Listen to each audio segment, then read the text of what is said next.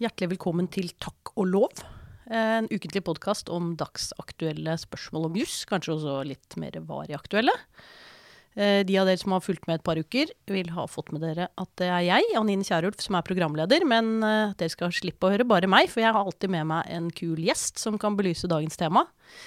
Og temaet i dag, så det er da ytringsfrihet.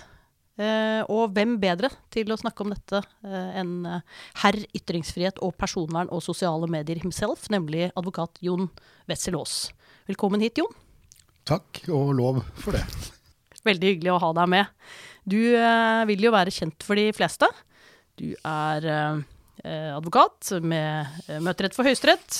Du har nå sølt ut en halv Farris i studio, og det går helt fint. Den Boblet over nesten som noen folk gjør med ytringer de har på hjertet. Det er passet så godt inn i dagens tema Det det må det. vi be om for ikke å få klippet bort. Du eh, er da ytringsfrihetsspesialist. Du har jobbet med personvern, du har jobbet med opphavsrett, du er en aktiv samfunnsdebattant.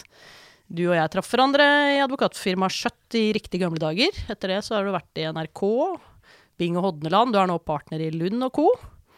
Eh, sitter i fagutvalget for medie- og markedsrett i Juristenes utdanningssenter.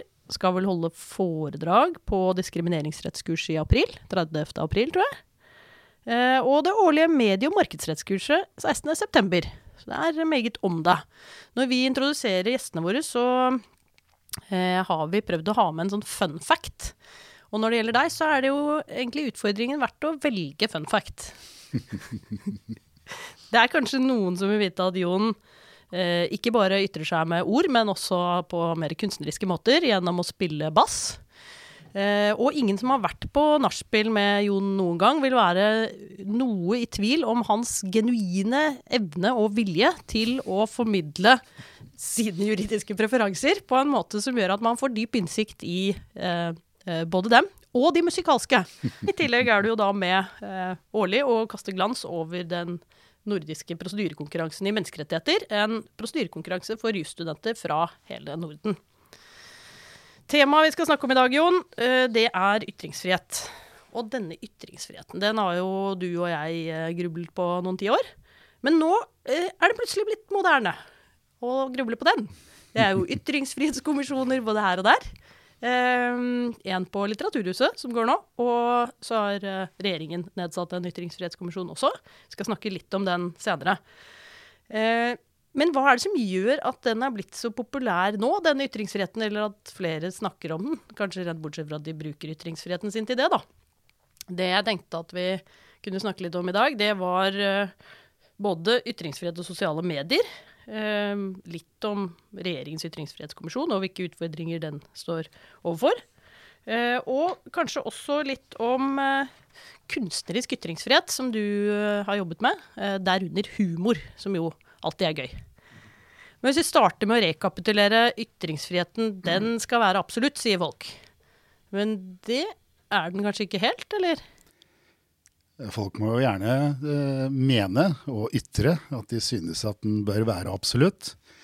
Eh, det har den nok aldri vært, eh, og er heller ikke det rettslig i dag. Det er en av disse relative menneskerettighetene som det kan gjøres innskrenkninger i. Hva er grunnen til at vi beskytter ytringsfriheten så sterkt i utgangspunktet? Hvorfor er den så viktig, egentlig?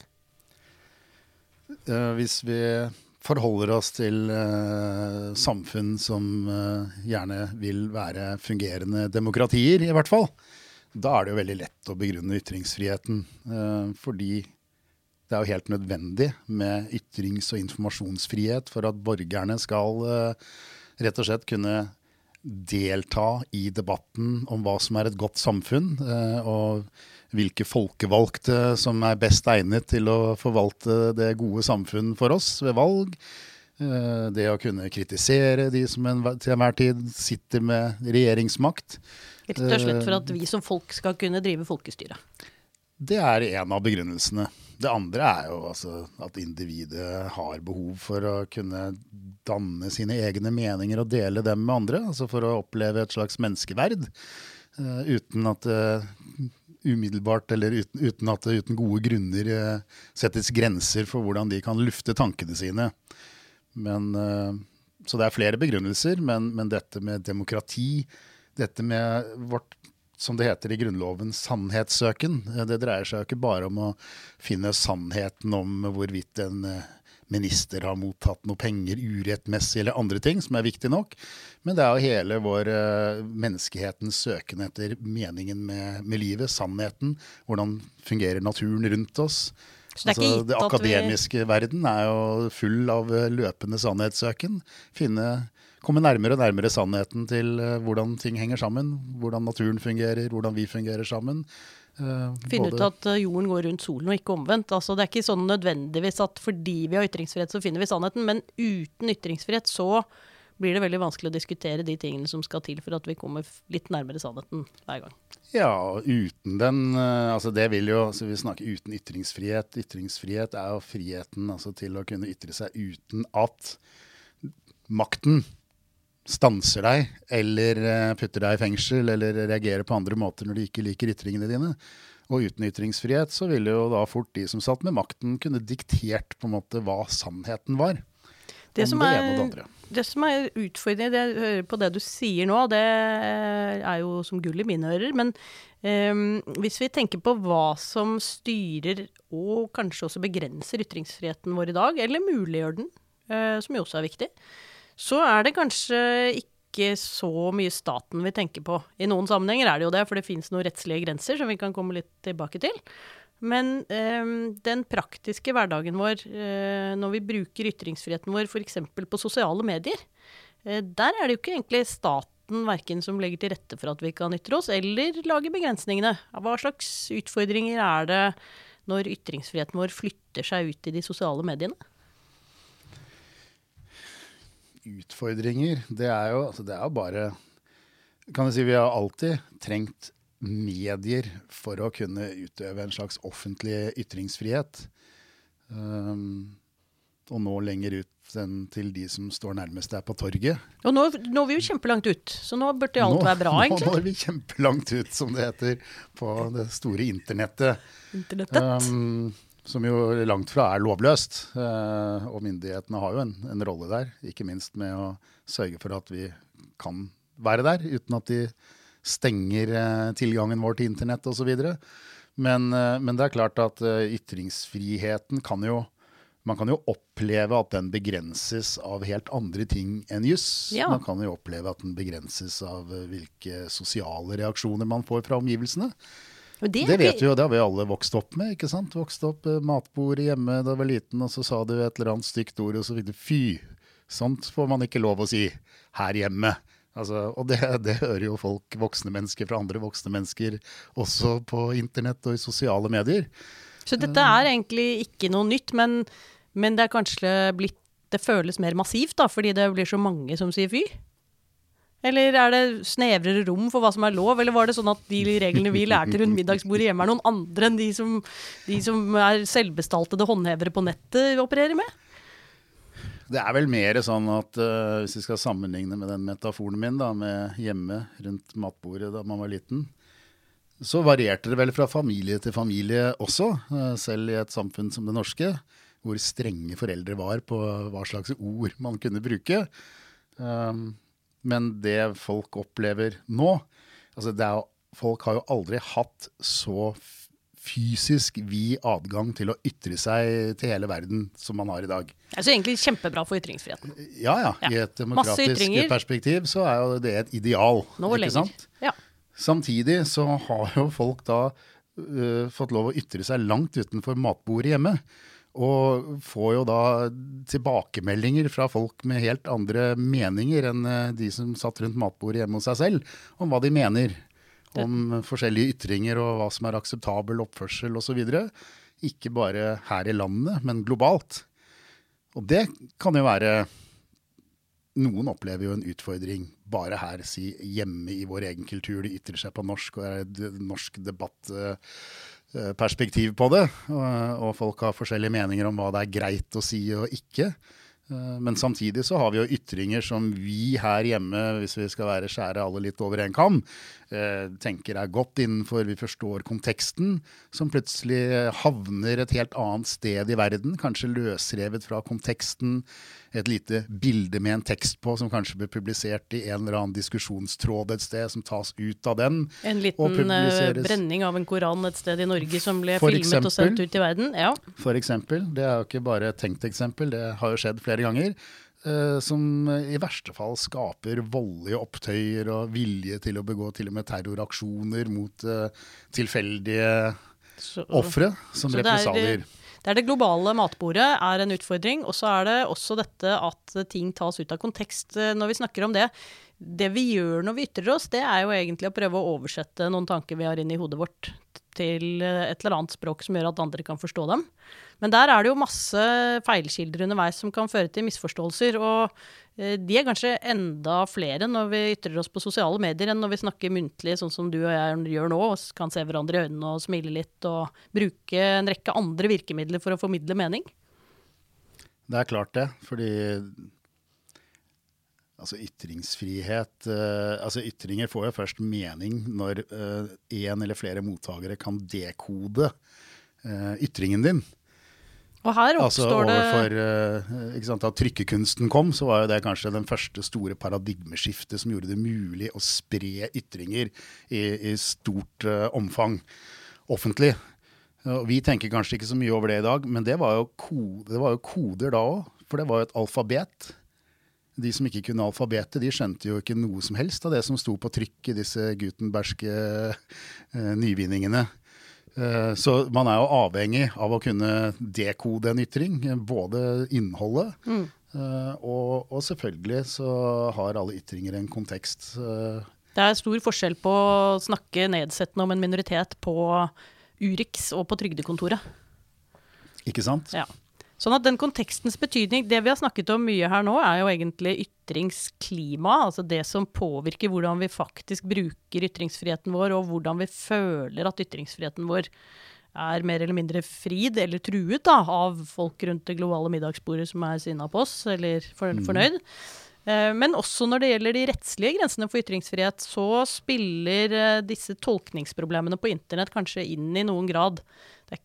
Kanskje er det sånn at noen sitter og skriver noe som ut fra ordlyden fremstår som en trussel, men som kanskje ikke var ment å være en trussel, men som allikevel er egnet til å skape alvorlig frykt, som det heter i lovens uh, ordlyd.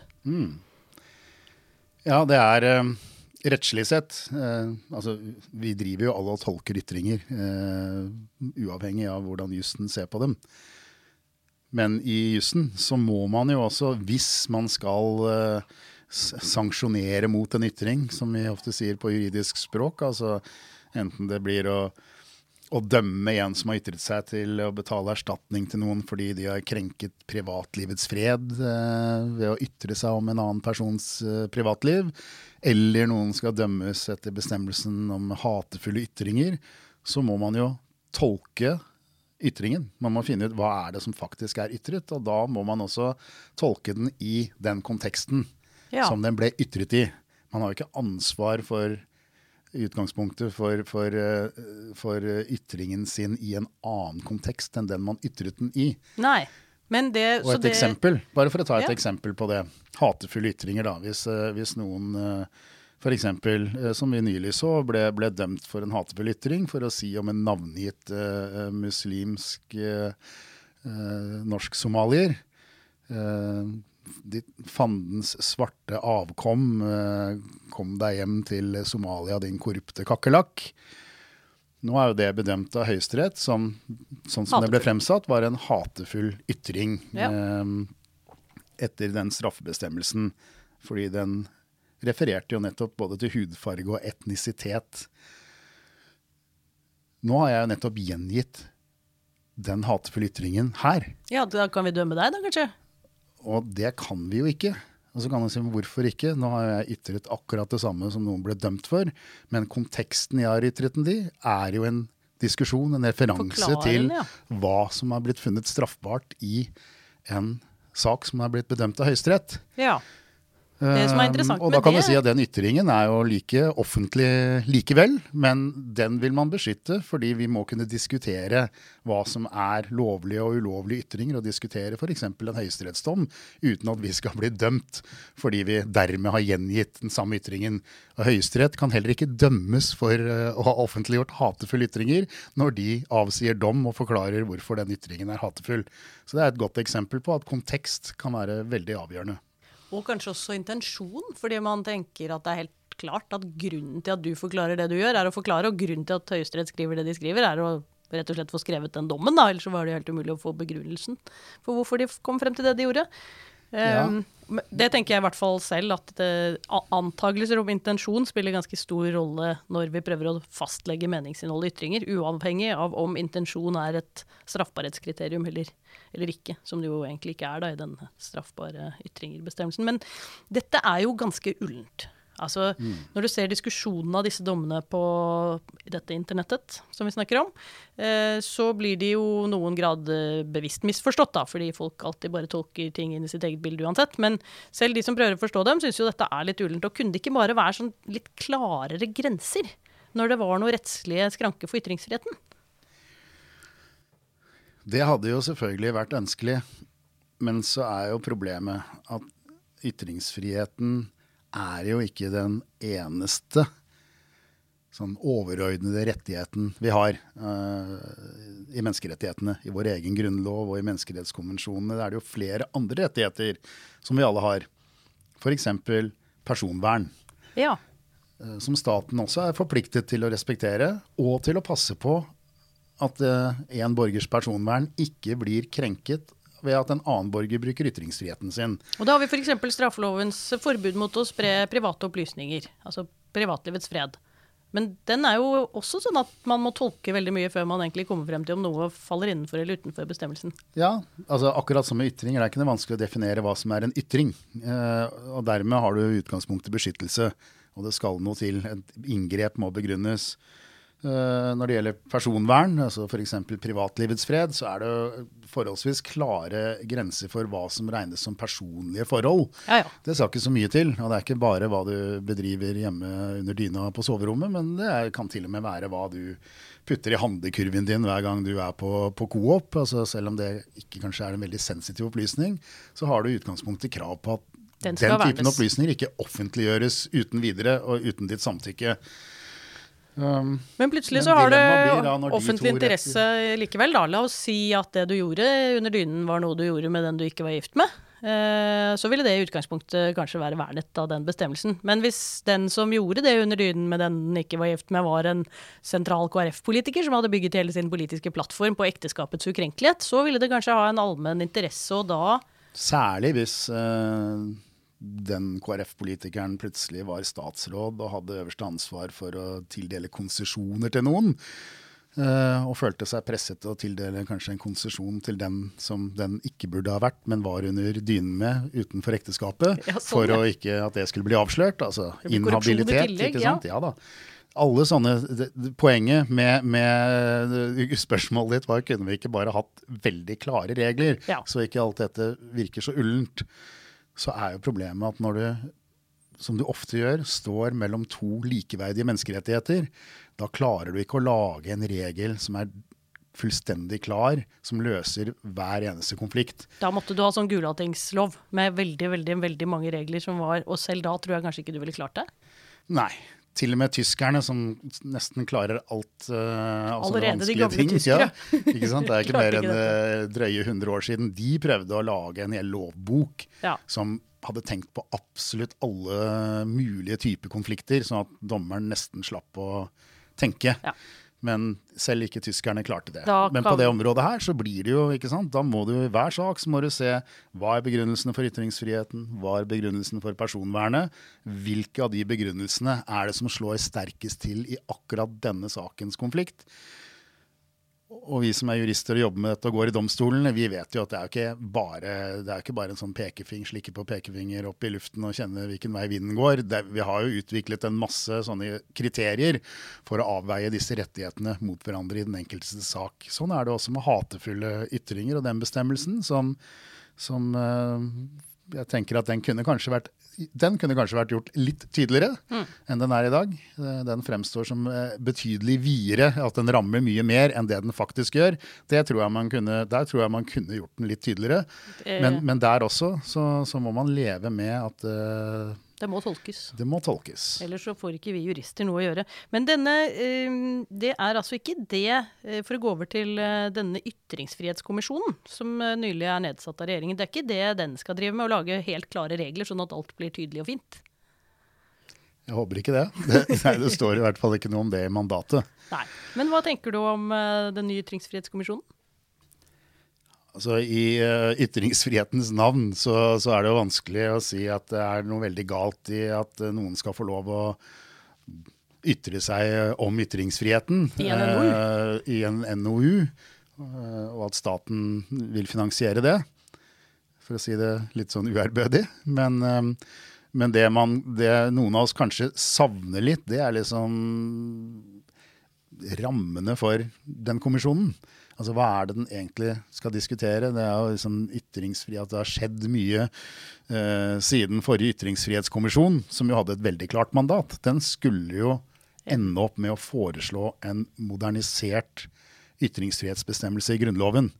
Som var medienøytral. For vår gamle fra 1814 den gjaldt jo i utgangspunktet. Trykkefrihet, ja. Trykkefrihet og forbud mot forhåndssensur overfor trykte medier.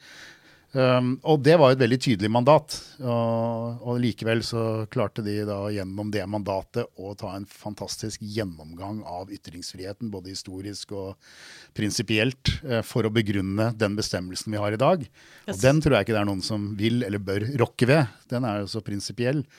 Det mangler jo dagens kommisjon, uh, men, men, man sier liksom at nå har terrenget endret seg. Vi har fått liksom dette internett og sosiale medier. og og det Hvordan, har de jo rett i. Vi har jo, snakket, vi har jo brukt ja, hele podkasten frem til nå på å snakke om ja, ja, at ytringsfriheten er interessant, sett i det lyset av det. Men nei, selv tenker jeg jo også det at det er veldig positivt uh, å få en gjennomtenkning uansett i hvilken form og på hvilket tidspunkt. Mm. Uh, og kanskje særlig nå når infrastrukturen for offentligheten er blitt såpass endret da, som den er. Men jeg har jo av og til tenkt at det kunne vært fint hvis noen flere leste den gamle Ytringsfrihetskommisjonens rapport og forholdt seg til den. Da tror jeg jo vi ville sluppet, særlig når det gjelder begrunnelsene en god del feilskjær av typen forbud mot legalized buttons i skolevalgkamper og, og, andre ting. ting ja.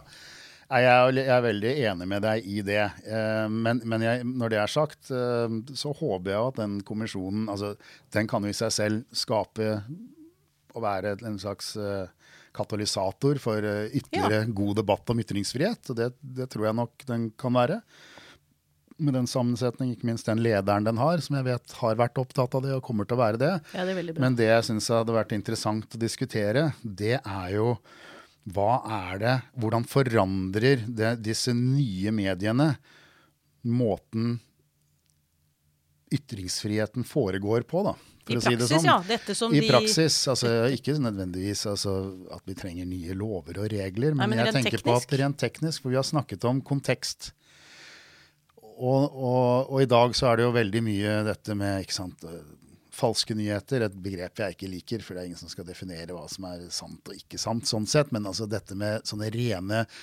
altså, desinformasjonskampanjer. Valgpåvirkning. Eh, hvordan, eh, hvordan, eh, hvordan disse sosiale mediene teknisk er laget med sine algoritmer. Ja, eller logaritmer, som, som statsministre og lederskribenter av og til kaller dem. Men det er altså algoritmer. Det har de ytringsfrihet til å si, hvis de vil. Vi sier algoritmer, vi. uh, nei, det, ikke sant, det, det der hadde vi trengt, altså der trenger vi teknologer. Det er litt synd at det ikke er noen altså, harde teknologer i den kommisjonen, men den kommer sikkert til å innhente den kompetansen hvis den ser at den trenger det. Fordi det som har forandret seg litt nå, det er det har alltid vært litt viktig for oss å, å forstå hvor en ytring kommer fra. Uh, hvorfor den kommer, uh, i hvilken kontekst. Ja, litt det samme som vi snakket om i sted. Nettopp. Om det er Høyesterett som skriver den hatefulle ytringen, eller noen som sier den i sinne på nettet. Nettopp. Um, og slik teknologien fungerer nå, så kan man for det første så kan man uten at det egentlig er noe transparens, uten at man som bruker eller deltaker skjønner det, så kan man være utsatt for en ganske bevisst, uh, gjennom algoritmer og annen bruk av nettet, nærmest kampanje som får deg til å oppleve at veldig mange flere enn virkeligheten mener en eller annen ting, eller at et faktum er riktig eller galt. Bare se på klimadiskusjoner og alt mulig annet. Um, ja, dette, dette med hva vi får opp i uh, vår I feed, som det heter, i forskjellige sosiale medier, det styres jo også av disse algoritmene. Uh, som både kan på en måte forsterke ting, eller litt avhengig av hvordan de fungerer. De premierer vel ofte det, holdt jeg på å si, den, ikke nødvendigvis den kloke, nyanserte ytring, men, men uh, de favoriserer en type polarisert ytring som bidrar til mer oppmerksomhet og mer følelser? Ja, det er mulig at vi kan si at det er sånn det ser ut som de fungerer i dag. Men poenget er at de kan jo fungere på hvilken som helst måte, avhengig av hvordan de lages, disse algoritmene. Uh, og de har vi lite innsikt i som brukere. Uh, og jeg tror også, selv om man hadde hatt innsikt i dem, så hadde veldig få av oss vært i stand til å forstå dem. Alle disse kodene. Altså kunne lese ut av uh, dem hvordan de fungerer. Det skaper et det skaper en utfordring. Og det skaper jo også et rom som sikkerhetstjenestene våre er opptatt av for tiden, nemlig at uh, noen går inn og utnytter de allerede litt polariserte temaene våre mellom Nord-Norge og Sør-Norge, eller ulve- eller sauetilhengere, eller hvem det er, og, og, akselererer en del av disse debattene på en måte som kanskje ikke kommer verken demokrati eller sannhetssøken noe særlig til gode. Nettopp. Men igjen, da er jeg opptatt av at det er jo ikke nye krefter Altså man har jo Helt fra sant, trykkekunsten ble funnet opp, så har man jo hatt løpesedler. Man har delt ut. Mm. De har også vært, eh, når vi snakker om anonymitet, som er en viktig del av ytringsfriheten, for så vidt, så har det vært delt ut løpesedler med kampanjer om det ene og det andre i samfunnet, uten at det nødvendigvis er klart hvem avsender er, eller, eh, eller andre type holdt jeg på å si, propagandavirkemidler i politikken. Driver jo politikere hele tiden med og prøver å påvirke velgerne. Mm. Men det har kanskje vært litt tydeligere i den analoge verden at det er det du blir utsatt for. Gjennom, vi... altså, eh, ja, ligger en løpeseddel strødd eller slått opp på stolper og hva det måtte være, eller du hører en politiker eh, på radio eller eh, går og banker på dører i forbindelse med valg, så vet du på en måte Du skjønner agendaen, du skjønner hvor det kommer fra. Det er foreløpig litt vanskeligere for oss. Uh, sånn som nettet og sosiale medier fungerer. Og det tenker jeg, det er en utfordringen der. er ikke nødvendigvis så mye lovregulering, men det er jo at vi rett og slett som mennesker finner måter å knekke den nye koden på, da. Kan vi ha et håp om at vi er eh, litt grønne i dette internettets eh, tidsalder, og at vi kommer til å lære litt mer av dette både på mulighets- og utfordringssiden med, på litt sikt? Det tror jeg, og vi er i hvert fall nødt til å gjøre det. Og vi har klart det med nye medier før også, hver gang det har kommet paradigmeskifter. det var jo noen par hundre år med sensur etter at den Gutenberg-greia slo gjennom. Ja, da jeg, var det viktig med sensur, for dette var livsfarlig at uh, ja, Luther og andre kjettere kunne spre sitt kjetteri ikke sant, helt ukontrollert. og da radio kom og TV kom, Og ikke minst fargefjernsyn. Da husker jeg at verden skulle gå under. Husker du det? Det husker jeg Jeg husker jo egentlig ikke det. Nei, Men du husker at du har sett det i debattene? Du gjør det i hvert fall ikke. Jeg husker det selvfølgelig ikke. Det var omtrent da du ble født, og tre år etter at jeg ble født. Men jo, men altså, er, vi, kan, vi, kan, og bør nesten le litt av det. For ser man på vår nære historie, så har jo, kan du si Besteborgerskapet og, og myndighetene har jo fått uh, litt panikk når det har kommet nye medier. Og om ikke det ble helt sensur da radio og TV kom, så ble det jo statsmonopoler i de fleste land. Ingen andre staten måtte ha kontroll på disse farlige nye mediene. Det har de ikke klart med internett i vår del av verden, men vi ser jo tendenser til at det er deler av våre statsmyndigheter som gjerne vil ha litt mer kontroll på dette internettet. Så det er jo, det er jo kjente, kjente reaksjoner som vi bare må må komme oss eh, gjennom, holdt jeg på å si. Det er en utfordring. vi får bare fortsette å lære så lenge vi har internettet. Hmm.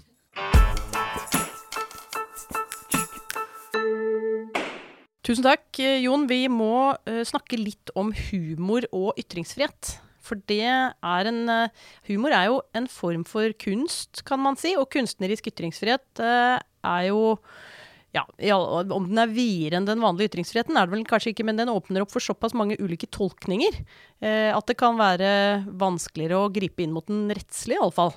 Vi har jo hatt noen eksempler eh, i den senere tid, altså karikaturstriden, eh, holdt jeg på å si, flere varianter med uh, tragiske utfall, er jo, er jo, en side av dette. Men av nyere eksempler, um, denne eksperimentelle teaterforestillingen 'Ways of Seeing', uh, som var oppe i fjor, hvor man bl.a.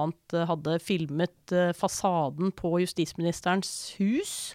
Da ble det spørsmål om det var et inngrep i personvernet. Eh, og så hadde vi eh, denne Radioresepsjonen, dette programmet på NRK, hvor eh, komikeren Tore Sagen eh, i en slags flauhetskonkurranse skulle fremstille noe som det var så flaut å si at de andre programlederne ble flaue. Og så eh, kom han med en utrolig harang både mot uh, mørkhudede innvandrere og klima eh, folk som var bekymret for klima, eh, som, som, på en måte skulle drite ut dem. Som var, det var jo utrolig flaut, syns jeg. Eh, helt pinlig fælt å høre på, rett og slett. Eh, da ble det veldig mye ulike reaksjoner etterpå. De to sakene har jo både en side til den kunstneriske ytringsfriheten, og kanskje også hvordan internett og spredning ute av mm. kontekst påvirker dette. Ja, altså for det første så, så har du jo selv pekt på tradisjonelt sett, også, også rettslig, så har man uh, i seg selv tenkt at uh, satire f.eks. har vært et utrolig viktig um, opposisjonelt middel mot makt. Ja. Uh, sånn at satiren på den måten fortjener sin egen beskyttede plass innenfor ytringsfriheten. Uh, samtidig som vi jo tidligere har snakket om dette med at ytring må tolkes i kontekst. Så hvis vi tar Tore Sagen-eksempelet, da, der er det jo konteksten. Det er uh, vil, Jeg vil si at uh, sånn som det må tolkes Man kjenner programmet. Det er et satirisk program, et humorprogram.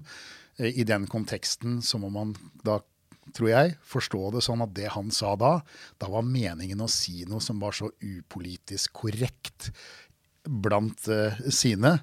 Uh, at de ville rødme, ikke sant? Ja, det var poenget. Men, og det var poenget med det. Men han sa jo 'jeg mener dette', sa han også, kolon, og så sa han det han sa. Ja ja, men eh, da men det, det igjen konteksten er Han mener det egentlig ikke. Nei, sånn tenker jeg. Så mener noen andre noe annet. Å ja, mener han egentlig det, og burde dette være lov? Osv. Og, så og det er jo en interessant diskusjon. Jeg skal ikke avgjøre den. Og den har ja, der, heldigvis ikke havnet i rettsapparatet heller. Det tror jeg faktisk ikke der men, den hører hjemme. Men, men, der delte dette internettet seg litt. For der var det en sånn stor forlang. Internettet deler seg jo alltid. det er jo, det internettet er jo altså, Du trenger ikke Moses for å dele internettet, som han delte Rødehavet. Det deler seg jo i, i store, eller flere deler, nesten alltid. Det samme med Ways of Seeing. Eh, der var jeg advokat for disse kunstnerne, så det, bare så det er sagt. Men, men, det som kjennetegner disse tingene, er litt uh, særlig når det gjelder scenekunst. da, For å ta den siste, Ways of Seeing.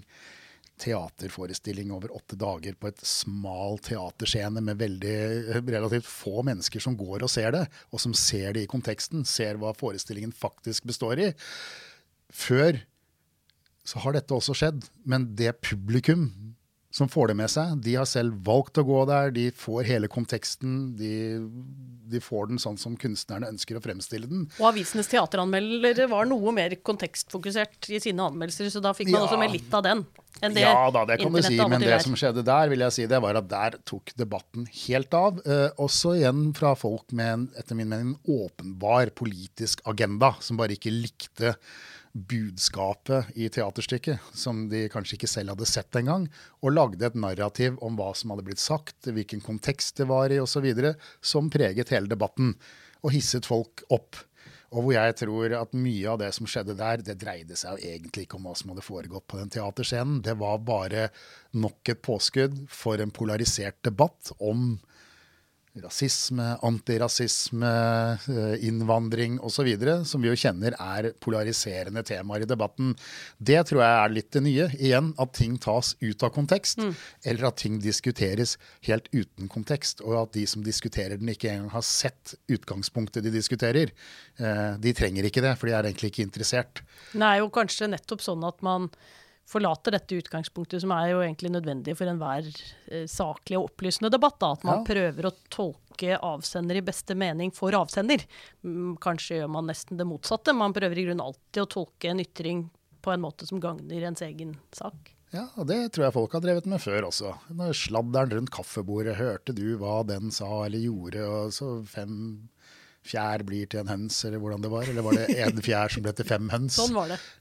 Ble, ble til mer, i hvert fall. Det ble til veldig Og mange kanskje noe helt annet, ikke sant? Det ble til haner. til. Men det, er, det tror jeg er eh, Det er blitt forsterket, da. Ja, så eh, det er gjennom en- nettet. Vi er i grunnen, vi lander omtrent der hvor vi startet, nemlig hvordan uh, dette internettet akselererer noen av de menneskelige svakhetene vi kjenner ganske godt fra før, på en måte som vi foreløpig er litt for nye til å håndtere Jo, godt. de fleste, ikke, de fleste mennesker har jo ikke deltatt i offentlig debatt før på den måten de kan i dag. I dag kan jo eh, barneskolebarnet med en smarttelefon kan jo dele innhold og konsumere innhold fra hele verden. Ytre seg til hele verden i praksis. Like mye som bestemor på 70. Sånn var det ikke før. Så jeg tror rett og slett også at folk bare må lære å begå seg i offentlig debatt. Også de som føler seg kneblet fordi de får motstand når de sier ting. Sånn er det jo når du ytrer deg eh, til en større offentlighet og andre enn de du kjenner fra før av. Da vil du møte noen som er uenig med deg, og bruker mer eller mindre høflige virkemidler for å, for å melde om det. Og det, det tror jeg bare det, det må folk bare modnes med. Et meget bra budskap. Lær å begå deg i offentlig debatt. Ja.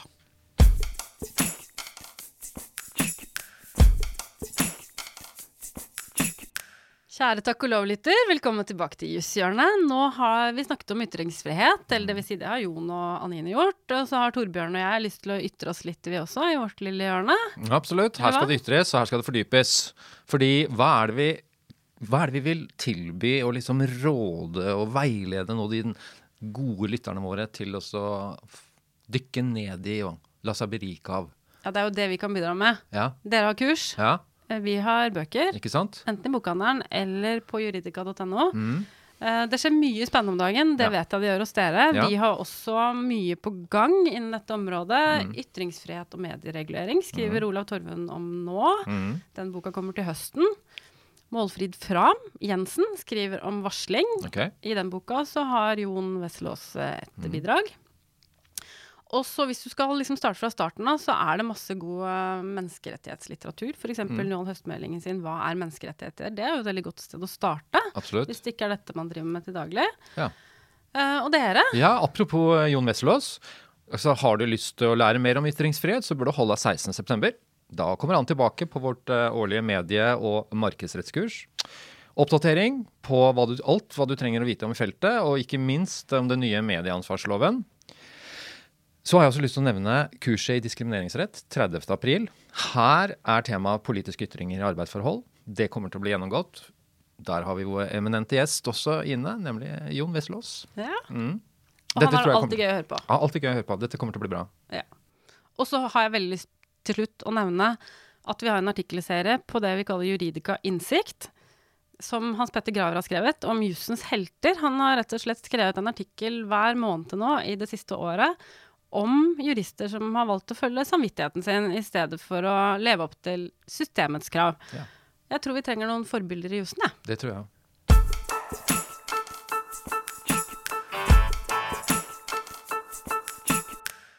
I denne podkasten så har vi en spalte som heter Har du hørt?